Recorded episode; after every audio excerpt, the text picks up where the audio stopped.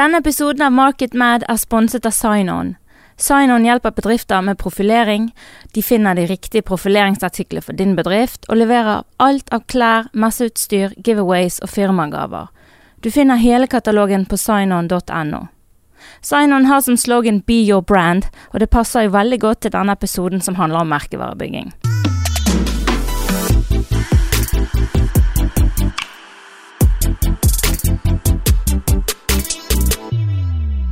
Ja, Velkommen til denne episoden av Market Mad. Jeg er Ina Stølen, og til daglig er jeg eh, leder i Brandity. I dag har jeg invitert Lars Erling Olsen. Jeg kjenner deg, for vi har faktisk studert sammen. Ja, vi er klassekamerater, vi. Good old days. Ja. Det er det ekstra gøy å liksom sitte her på tomannshånd og snakke om det vi liker best. Så dette er nerdeprogrammet. Dette er nerdeprogrammet. For alle som liker merkevareledelse, stay tuned her, altså. Um, du gikk fra å være en eh, utøvende markedsføringsekspert til å gå over til akademia og er blitt professor i markedsføring. Jobber nå på BI. Mm, stemmer det. Har vært på NHH og Høgskolen Kristiania og everywhere. Ja da. Der òg. Der òg. Eh, og så må jeg få lov å legge til eh, at du er medforfatter av en bok som heter 'Merkevareledelse på norsk'. Ja, nå heter den bare merkevareledelse, faktisk. Ja, dere trengte ikke presisere norsk. norsk. Jeg tatt vekk på norsken. Ja. det var jo et unique selling point den gangen. Ja, det var det det var. Det er Ja. derfor vi kalte det det. For tolv år siden kom førsteutgaven. Ja, Men nå har vi funnet at vi ikke trenger å ha det siste to ordene med lenger. ja. Ja.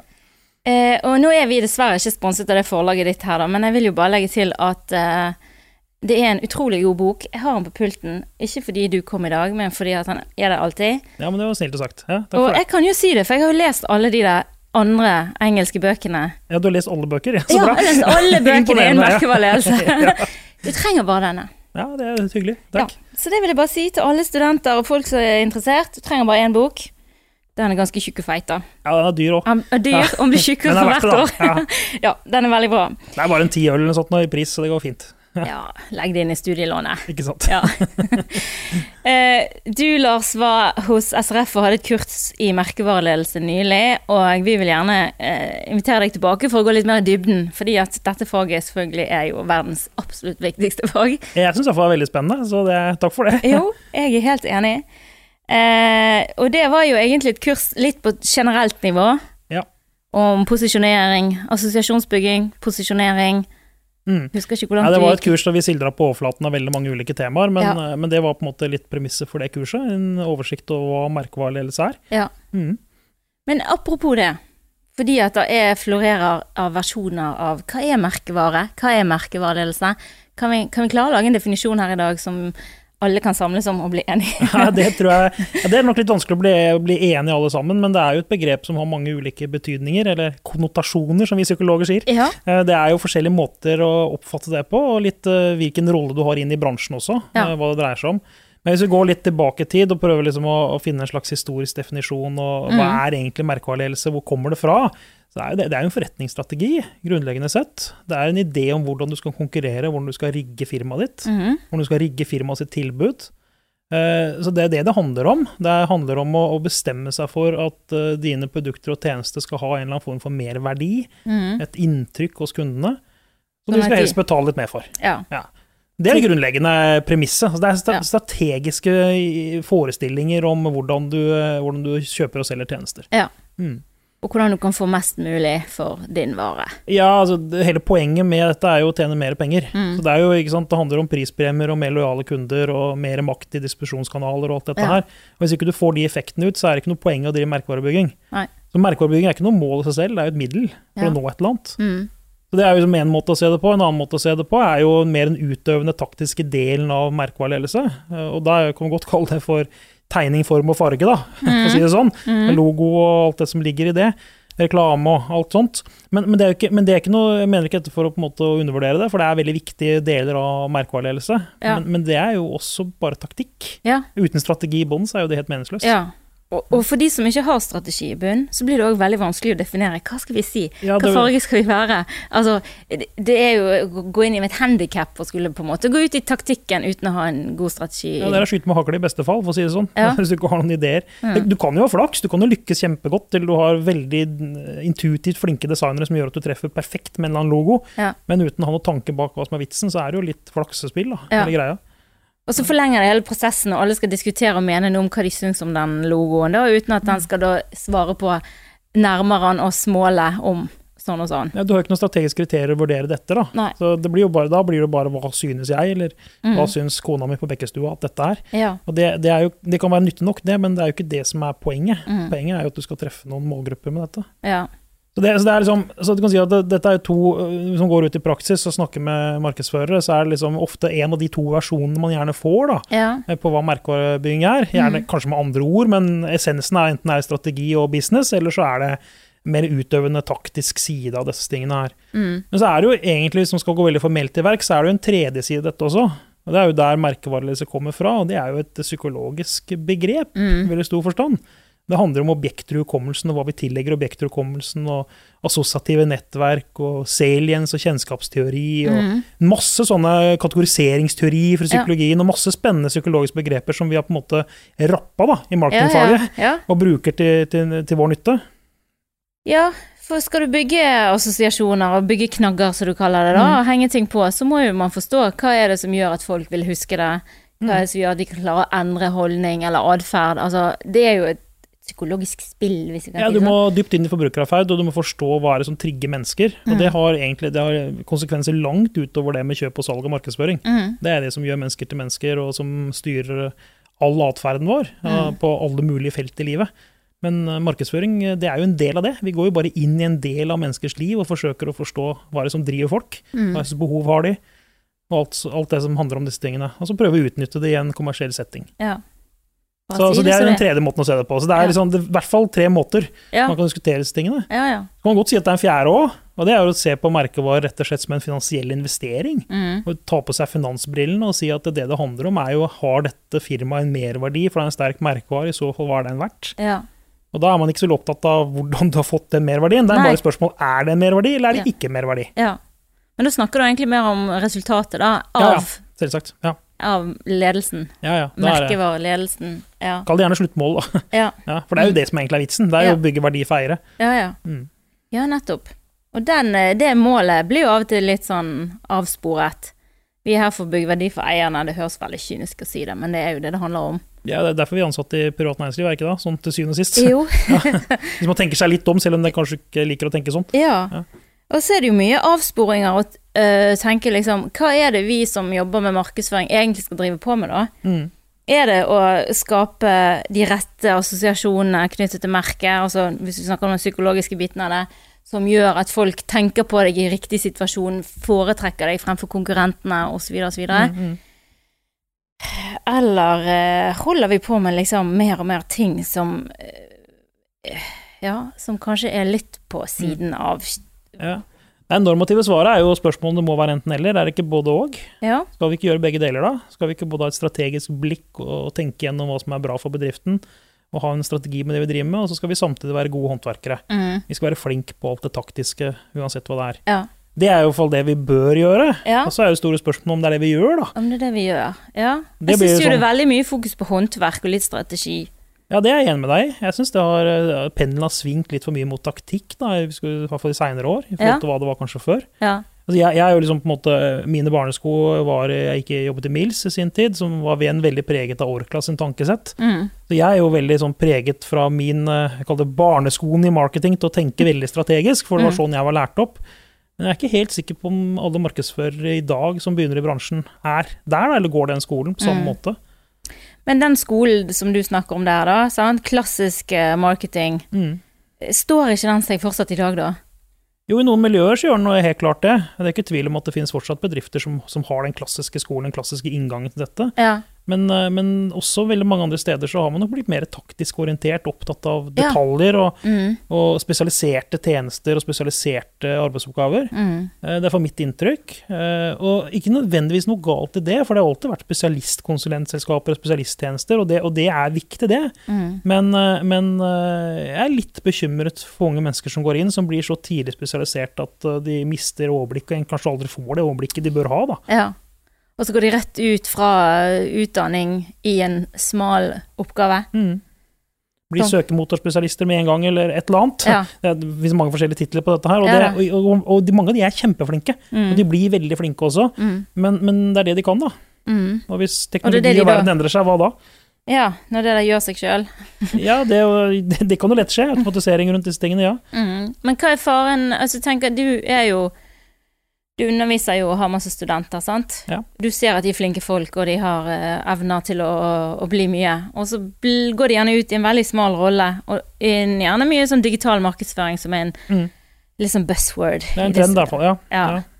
Eh, hva skjer når de har sittet der i ti år, da? Eller jeg vet ikke om de sitter så lenge, det har vi diskutert i en annen podkast. Men eh, Jo et, hva karrierebygging eh, holder de på med da? Ja, dette er en ongoing felteksperiment akkurat nå, da. Det jo, vi vet jo ikke helt resultatet av at dette kommer til å skje. Ja. Men det er jo veldig mange som har gått ut i akkurat den type spesialiserte roller som du, du sier, ja. eh, og blir selvfølgelig veldig gode på et veldig smalt felt. Eh, Men utfordringen er jo at teknologi endrer seg. Vi er helt sikkert at om ti år så er det andre roller og andre spesialiserte eh, roller da, som det er Mm. behov for enn det vi har akkurat nå. Og en del av de rollene vi har nå, antakeligvis, som du sier, er automatisert. Mm. Eh, og da er jo spørsmålet, hvis man ikke da har gått den mer klassiske skolen og lært seg liksom, hva er markedsføring, hva er det strategisk sett, Mm. eh, være litt eh, virkemiddel og taktisk uh, uavhengig, da, Ja. og forstå liksom mer målene med det vi holder på med, og lar virkemidlene på en måte få leve sitt liv, Mm. så er jo spørsmålet om de er i stand da, til å ta de strategiske oppgavene når de får mer erfaring eller ikke. Ja. For det er jo den gamle, den gamle skolen var at man gikk steg for steg. Man Ja. begynte jo fortsatt veldig mye taktisk arbeid, men man ble jo også trent til å tenke strategisk. Mm. Eh, Eller du fikk begynne med det minste merket i porteføljen. Ja, det var typisk Du begynte som produktsekretær og produktassistent for det minste merket, og etter hvert så ble du produktsjef for et litt større merke, og Ja. så var du flink, så ble du markedssjef for en litt større kategori, og, så, Ja. og noen etter hvert ble da direktører, ikke sant, etter en års erfaring. Sånn, sånn Det er jo den gamle Orkla-logikken. Og det, ja. jeg tror fortsatt den er ganske gyldig i Orkla, og i Tine og disse store Ja. annonsørene, så er nok dette fortsatt uh, Og jeg tror den historien, fungerer, altså. Ja, jeg tror det fungerer veldig godt. Det har fungert veldig godt siden Lilleborg begynte med dette her på 1960-tallet, og så har det Mm. fungert utmerket. Du kan jo se på hyllene i dagligvarebutikken hvem som Ja, det er fortsatt, det er fortsatt i dagligvarebransjen så er det jo fortsatt det som, som gjelder. Ja. Men det er klart det er mange andre bransjer også. Men, øh, men jeg tror det er en, en, en, fortsatt en god modell. Mm. Og, det, og det betyr jo ikke at man skal være siderumpa, ikke være interessert i ny taktikk og nye virkemidler og, og, og nye ting. Men, men det er et eller annet med balanser vi snakker om. Ja, Ja. at du må, kan, må være litt generalist for å kunne se hele bildet, da. Ikke bare sitte i ett smalt. Ja, jeg er overbevist om at du må være litt generalist, og så må du ha litt kritisk sans, og du må ha litt forståelse for at et nytt buss som kommer, kanskje har en historikk, at det Mhm. kanskje har vært noe før som Mm. lignet på dette, og litt kritisk innkjøper av ting, da. Ja. Uh, og da, da kreves det litt erfaring og litt eksponering egentlig for flere ting. ja. Uh, for å få det til. Da. Og blir du for smal og bare jobber med én mediekanal eller én type rolle, så får du heller ikke treningen til å på en måte vurdere ting. Da. Nei. Nei. Du eh, Ja, jeg vet ikke hvor mye du kan påvirke som professor eh, på høyskole, da, men eh, Nei, vi liker jo å si at vi tror vi kan påvirke det, men, eh, men dette er jo en diskusjon som vi også selvfølgelig som, som en høyskole og et universitet er opptatt av. ja. Vi, når vi rigger våre studieprogram og utdanningsløp, så er jo vi jo hele tiden i en diskusjon på hvor, hvor spiss skal vi gå, hvor, hvor generelle skal vi være. ja. Eh, Det er jo én debatt. En annen debatt som vi stadig kommer opp i, er jo hvor liksom frampå skal vi som høyskole være. da? Mm. Skal vi på en måte lage studieprogrammer som er, liksom, har det siste og det nyeste?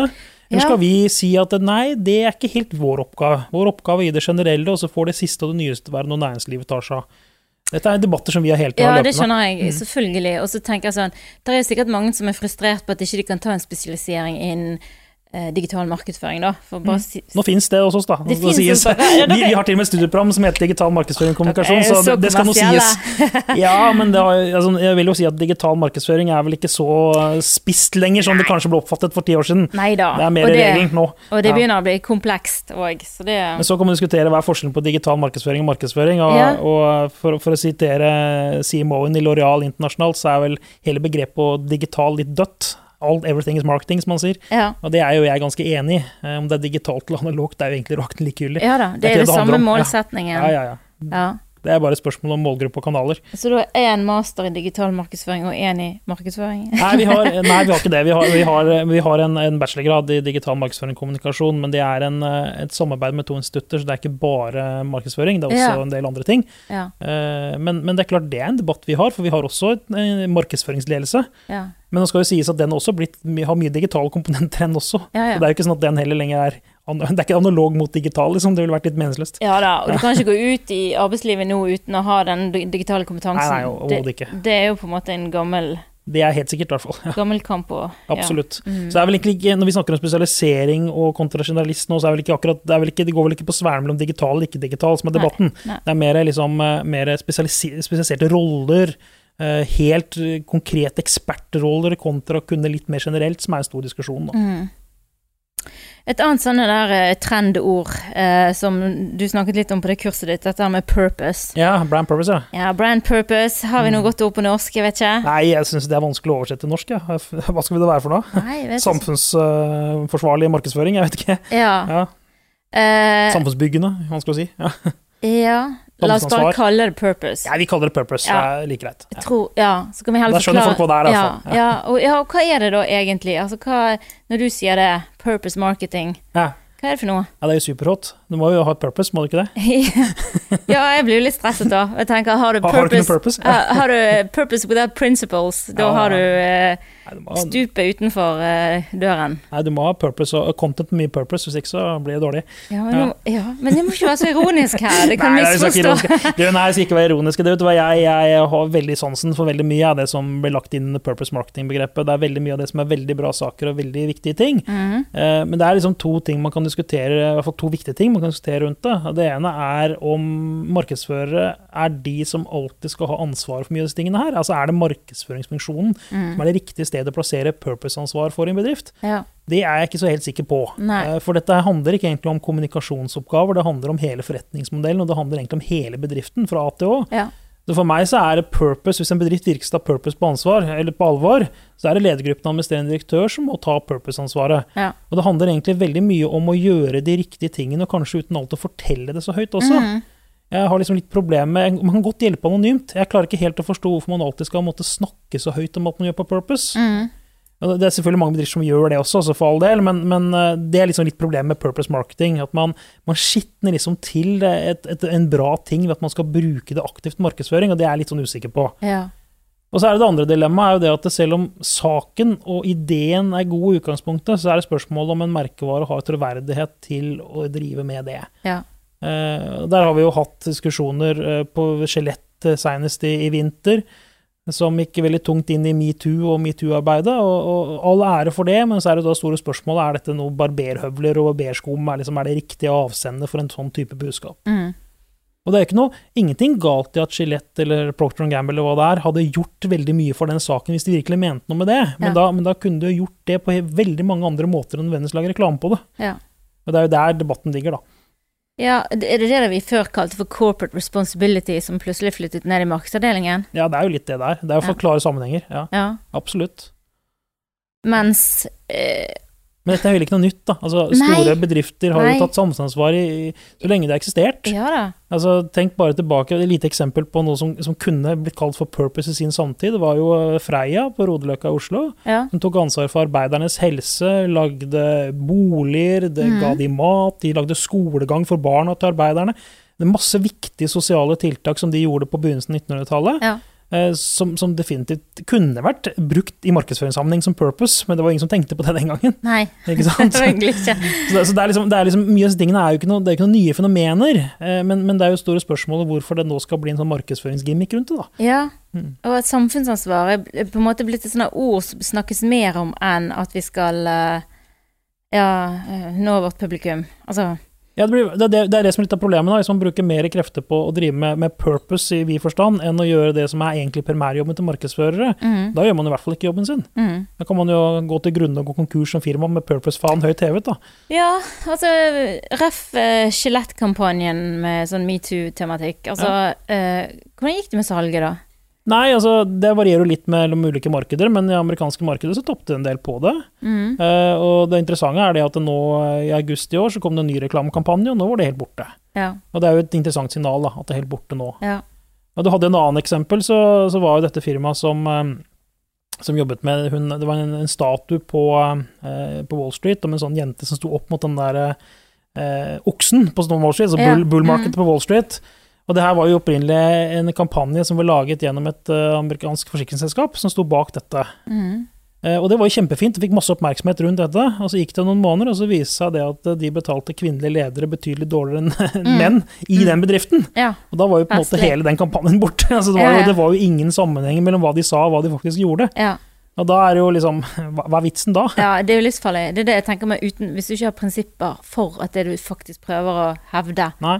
Det må jo være gjennomsyret. Ja, hvis du i hvert fall skal gå ned purpose-veien og Ja. mener at det kan være interessant for vår bedrift å gjøre, så må du først rydde hjemme Mm. og være helt sikker på at alt er på plass. Så kan du gå ut og kommunisere det. Mm. Men motsatt er jo i hvert fall helt uh, meningsløst. Ja. Men sånn, så, så er det klart at det, det her er også litt sånn bransjeavhengig og litt sånn eh, Det er et posisjoneringsspørsmål også. Ja. For det, det, jo, det, er helt klart at purpose kan være en posisjon for noen. Det er jo ikke sånn at det er per definisjon er helt uinteressant for Det er jo alle. noen som har det, sånn som Pan, Pan, Hva heter de? Patagonia, Ja, ja. Patagonia. Ja, jeg vil også si Stormberg i Norge er et eksempel på en bedrift Ja. som absolutt eh, både markedsfører seg med stort hell ved å, å, jobbe inn en del sånne ja, ik- Jeg tror ikke Steinar Olsen i, Stormberg har brukt ordet purpose i samme grad. Han har holdt på med det ganske lenge. Ja. Men, men man kan godt kalle det han gjør for purpose marketing. Ja, men er det ikke òg egentlig hans utgangspunkt med en høy etisk og moralsk standard? Jo, det gjennomsyrer hele hans forretningsidé helt Ja. fra starten av, med at eh, han har gitt eksfanger eksfangere sjanser i firmaet sitt. eh, Ja. Han eh, er opptatt av miljøvern, han er opptatt av barnearbeid. Altså veldig mange av Ja. hans, altså, Det er jo ting som han mener helt genuint som forretningseier eller bedriftseier. Mm. Eh, og som igjen da til en viss grad han bruker også i, i markedsføringen sin. Og Mm. nå sist var det ulvekampanjen hans sant, som var veldig kraftig. Ja. Da han la seg ut med halv befolkningen for at han gikk aktivt inn og støttet ulv. Eller ikke han støttet ulv på den måten at han støttet det var vel eh, WWF eller noe sånt, når han gikk inn og støttet med penger, da. Ja. Men, men, men der er det jo helt genuint. Eh, og, det, og det er jo Ja. det som kanskje er litt av mitt problem, da, når bedrifter på en måte begynner å se at det kan være interessant å ta en eller annen purpose-posisjon, om det er FNs bærekraftsmål Mm. eller et eller annet annet. Men så er det det, blir liksom en mer sånn staffasje, det blir en kommunikasjonsgimmick, eh, fordi man tror og mener at det er viktig. Mm. Og det kan godt være også det finnes en markedsdirektør som mener det, men ikke firmaet helt står bak med hud og hår. Mm. Da, da blir det fort avslørt, Ja. og så blir det veldig kunstig. Ja. Og da det vet jeg ikke om det er noe særlig lurt. Men det er jo som alle andre eh, virkemidler som ikke virker å være relevant. Mm. Så treffer det ikke. Mm. Altså, eller ikke relevant, men at ja, det, det ikke virker troverdig å komme fra den avsenderen. Det kan jo være i alle typer kommunikasjon, sant? Ja. Eh, du, har du en for kul kampanje til en traust merkevare, så faller det igjennom, sant? Mm. Eh, driver du med sånn greenwashing og skal være så opptatt av himmel og hav, Mm. eh, mens du da f.eks. har eh, ja, om det er barnearbeidere, eller om du har Et eller annet som Ja. ikke er bra, i hvert fall. Ja. mm, Men det er jo, ja, nei, det er jo det som eh, altså Hvis du hever blikket litt, da, så er jo det du sier her altså Se bort ifra, glem begrepet purpose litt, og så si Mhm. at det handler egentlig om Er det behovsdrivere du er som er relevante? ja. Og er det behovsdrivere som er relevante for deg og din kategori? Og, Ja, og hvilken grad kan du ta en unik og differensiert posisjon på dette versus konkurrentene? ja, For- For det er liksom en annen sak igjen, da, hvis man tenker veldig kommersielt på det. Hvis du skal ta en eller annen purpose eh, statement og si det er vår verdi, da, det er det merkeverdien vi ønsker å fronte, men hvis alle konkurrentene dine gjør det samme, hva, hva, hva da? mm, Uh, ja, det kan fortsatt være viktig og bra, men er det da interessant marketingmessig å holde på med det? Det stiller jeg jo store spørsmålstegn ved. Nei, det mister kanskje litt effekt hvis det begynner å ligne mer på politikken på Ja. Og da er det kanskje bedre at man gjør det via bransjeforeninger, da. Mm. Og sier det at vel, vårt klesmerke, vi, vi har noen unike ting, men Mm. samtidig er vi også med i jeg, si, jeg vet ikke om det finnes noe som heter norsk klesindustri eller noe sånt nå. Jo da, det er helt måte, hvis det finnes noe sånt, da, så kunne de sagt at Mm. vi har noen fellespolicy som alle er med på. Ja. Og der kan man jo putte inn CSR eller purpose-engasjementet sitt inn der, da. Mm. Kanskje få enda mer effekt. Ja. Eh, Så, så det er litt sånn hva man vil med disse tingene. ja. Men det har gått litt inflasjon, da. Ja, i hvert fall så er det et motor akkurat nå, men, eh, men vi får se. Eh, 2020 kommer snart, skal vi se om det er noe annet som dukker opp. Det er alltid noe buzz vet du, som Det er alltid noe og det er alltid et trekkspill, som du sier, som drar oss inn og ut her av eh, nye trender. Og, Ja da. Og så er det jo det er jo ikke så mange år siden CSR var det store begrepet, Ja, ikke sant? ja, det- Eh, og nå heter det purpose. Og så Ja. er det, det er sikkert noen purister nå sier, hører på dette og sier at nei, men det er ikke helt det samme. Og Mhm. det har de sikkert helt rett i. Men hvis vi hever blikket litt, så er det helt det samme. Ja. Mm. ja. Det var det jeg tenkte på. Dette snakket vi om i 2003. Ja, da ja, var det veldig på moten. Men det er jo sånn det er marketing. vi-. Alt går i bølger, er det ikke det? Jo. Ja. Men hva står igjen, da? Når liksom stormen har lagt seg, og trekkspillet har gått inn og ut. Hva er liksom Hva er denne kjernen som alle må huske på når de forvalter en merkevare? Hva er det de må verne om? Ja, Det grunnleggende er jo at du må forstå at en merkevare eier du ikke. Det er kunden din som er merkevaren. vet du. Ja. Det er behovene til kundene som syvende og sist bestemmer alt. Mm. Du kan ha så mange agendaer du vil, og så mange gode formål du vil, men, eh, men hvis kunden ikke er enig, så er merkevaren din død i morgen. Ja. Det er alltid sånn det er, det. Så syvende og sist så handler det om å forstå forbrukerbehov, forbrukerpsykologien, og forstå hva er det som driver forbruk. Mm. Og hva er det som driver konkurrentenes forbruk, og hvilken plass kan du ha i folks liv. Mm. Og det er jo helt uavhengig av nesten av hva som helst du kan merkevarebygge. Ja. Mm. Alt kan merkevarebygges. Ja, etter min mening så kan det det. Ja. Så kan man ha litt forskjellige begreper på det, men eh, ja, i prinsippet er det det. I politikken er det mye merkevarebygging òg. Ja, ja. Det har akkurat vært et valg, så vet jo det. Ja, ja, ja, herlighet. Ja. De bare sliter med at de har litt sånn uh... Offentlig sektor har begynt med nå, det er jo litt spennende. Det er masse branding i offentlig sektor. Ja, hva er det de kaller det? Eh, sånn employer Nei. Public sector branding er liksom Public begrepet internasjonalt. branding, ja. uh, men employer branding er jo en annen sak. Nei, jeg Ja. mente public sector Ja, branding. ja. det er en bok der uh, Den skal vi ikke reklamere for, for den har ikke du skrevet. Nei, ikke jeg skrevet, nei, så kan ikke snakke uten den. uh, ja, det er kanskje en sånn buss for 2020, da. Men eh, hva, er det, hva er public sector, eh, offentlig sektor, hva er, de, hva de ønsker å ta en del av? Nei, det er jo, det er jo, dette her henger jo litt sammen med New Public Management, da, som er jo et litt sånn uh, anstrengt begrep for mange. Og det, det er jo god forståelse for det. Men det henger jo sammen med det at uh, offentlig sektor også er i et marked. Mm. Uh, men spørsmålet er hva slags marked? Det er ikke sikkert det er et kommersielt marked, men det kan være et marked for rekruttering, eller Ja, marked for politisk støtte, eller marked for mange forskjellige ting. Ja. Og så bruker man da si, begreper og fenomener hentet fra næringslivet til å, å på en måte få effekter i sine markeder. Ja. Så Forsvaret er jo et sånn typisk eksempel på dette i Norge, som har virkelig kjørt en sånn eh, ja, merkevare- og omdømmekampanje som har vært Ja. veldig suksessfull i senere år, ja. eh, for å øke støtten til Forsvaret generelt til det Ja, norske folk. og- Og det er jo merkevarebygging, det. Det er absolutt. Og jeg Mm. tenker òg å minske motstand òg er like viktig. Ja, absolutt. Hvis du tar Vinmonopolet som eksempel, da. Vi har jo nesten glemt at det er staten, fordi at de er så Ja, det er superflinke. superflinke. Ja, mm. Gjennomarbeidet. Strategien er syltydelig. Mm. Eh, og selvfølgelig har de et samfunnsansvar i sin oppgave, som de Ja. klarer å, å på en måte balansere i, i, i det å være Den dagen hvis markedet skulle åpne, så tror jeg folk fortsatt hadde foretrukket Vinmonopolet. Sånn som det ser ut nå, så ser det sånn ut, ja. Ja. ja absolutt. Mm. Så absolutt. eh, Helt klart en, en spennende tematikk, det der òg, da. Ja, altså det, Jeg vet ikke om det er den store trenden for 2020, men det er, men det er i hvert fall et område som også er interessant. Mm. Hvis man, har, så man kan bruke merkevarebegreper til å på en måte forstå da, hvorfor Ja. ting skjer og ikke skjer, og Ja. ligger rundt det. Hva annet er dere professorer snakker om på lunsjrommet, da? Ja, vi snakker om Innen lunsjen, merkevareledelse, jeg vil ikke vite alt det andre. Nei, nei det, det skal være glad for, si. Uh, nei, du, det er jo det som er spennende for oss om dagen, er jo teknologien som er i endring. Altså, Mm. Det er jo klart at uh, veldig mye av vi kaster ut buzzbegrepet som AI og Ja. machine learning og alt det som ligger i dette her, Mm. så er vi, vi som driver markedsføring, er jo veldig opptatt av det også. Fordi det gir en, en del nye muligheter. Det Ja. gir en del muligheter til bedre kundeinnsikt, bedre å forstå hva som foregår og hva som er viktig. Eh, og det, det endrer ikke grunnprinsippen sånn i seg selv, for vi er fortsatt opptatt av hva er det som driver behov, og hva er det som driver kjøp og den type ting. Men vi har altså en teknologi og mulighet til å få bedre innsikt og raskere innsikt mm. i disse tingene man kunne før. Ja. Uh, så, så det er en vesentlig faktor som vi jobber veldig mye med, å forstå eh, disse tingene. Men samtidig så er det også veldig utfordrende, fordi at big data det kan også føre til vi kaller for big biases. altså.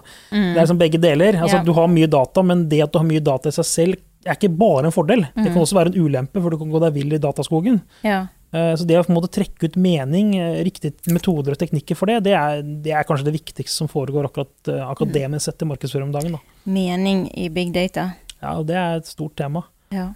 For det, det at du har big data seg selv, er ikke bare en fordel. Det kan Nei. være masse ulemper med det også. ja, ja, ja. Og så ser du bare ikke skogen for trær. Eller du ser ikke nye muligheter. Eller du overvurderer det fordi det er så store data at da må Ja. det være sant. Men Ja, det er det ikke sikkert det betyr noe, Mhm. egentlig. Det kan være tilfeldighet eller støy likevel som skapes, ikke sant. Ja. Mm. ja. Så, så jeg, jo, jeg pleier å slå et slag for at det kan vi ikke Det er ikke enten eller dette her, det er alltid både og. Mm. Det er kjempeflott med nye teknikker og muligheter og metoder og data og internett og teknologi. Mm. Eh, Og så er det fint med dybdeintervjuer òg, som vi gjorde i gamle dager. Mm. Og så kombinerer vi. ja. Begge deler fungerer fint til sitt formål. Til sitt formål. Vi Mm. må ha begge deler for å få det til. Jeg tror vi trenger innsikt, da. Det er grunnleggende sett. Og Ja. det er ikke sikkert vi klarer bare å få innsikt gjennom data. På eh, Nei, og når du sier det, så tenker jeg på den eh, diskusjonen som var på det kurset ditt om eh, Apple av Steve Jobs, og Mm. eh, liksom at han var en veldig sterk eh, figur som bare bestemte alt sjøl, og bare brydde seg ikke om å høre på verken kunder eller Nei, stemmer det. medarbeidere og sånn. Han var, han, jeg tror ikke han var drømmesjefen, for å si det sånn. Nei, han fikk vel sparken en gang. Ja, han gjorde vel det. Det var sikkert en grunn for det òg. Ja. Men han fikk jobben igjen, da. det gjorde han. Eh, selvfølgelig, han er jo i en særklasse på mange områder, da, men, men det som mange kommenterte etter det kurset, det var at endelig var noen som kunne oppklare at eh, Steve Jobs satt ikke bare der i sitt eget hode og bestemte alt. Han hadde en, en, en teft og en markedsforståelse som Mm. gjorde at han fikk ting til. Ja da, han han hadde sikkert litt flaks òg. Det er Ja. ofte det, men han, men han hadde grunnleggende fokus på hva er det folk vil ha. Altså Han var jo kompromissløs på, på design, han var kompromissløs på behov, Mm, øh, og var ikke så opptatt bare av teknologi egentlig når det kom til stykket. mm, Og det er jo det det ofte handler om, det er den der forståelsen av hvordan markeder og kunder fungerer, som er det grunnleggende. ja. Men, men det er liksom man skal ikke, det er vanskelig å trekke konklusjoner fra case of one nå. ikke sant? Det er ja. jo, det er jo noen har jo bare, Mange ganger så er det bare flaks også. Mm. Nå skal jeg si at Steve Jobs hadde flaks, for det mener jeg ikke, men, men det er Nei, et det tror jeg annet heller, med for de har ikke hatt så mye flaks i, i ettertid. Nei da, absolutt ikke. Men det kan også være tilfeldig. Det er vanskelig å si. ikke sant? Ja. Men det som er ofte at man skal studere liksom suksessfulle bedrifter, så, så må man også studere de bedriftene som ikke har suksess. Mm. Og se, for det kan godt være at de fellesnevnerne man finner mellom suksessfulle bedrifter, er akkurat de samme som man finner mellom suksessfulle bedrifter og ikke Ja. suksessfulle bedrifter. Ja, det har vi de big dataene igjen her, ja. Ja, det er liksom, det, det er interessant det der, altså. Ja. Eh, Det er jo en, en som het Stengel som skrev en bok om, eh, om vekst og innovasjon for noen år tilbake. Da han mente at uh, han hadde funnet en del bedrifter som han mente hadde gjort det så bra, og fant en del trekk med disse. ja. Men da ble det jo senere gjort analyse av andre folk som gikk inn og gikk på motsatt ende av lista. Bedriften gjorde det spesielt dårlig, og fant akkurat de samme trekkene. Mm. så, så det er liksom, dette er litt som en vitenskapelig metode å gjøre, da, hvordan man på en måte faktisk undersøker ting. Ja, Ja. ja. Metodediskusjonen den skal vi ta en annen gang. Nei, vi skal ikke ta det nå. Nei.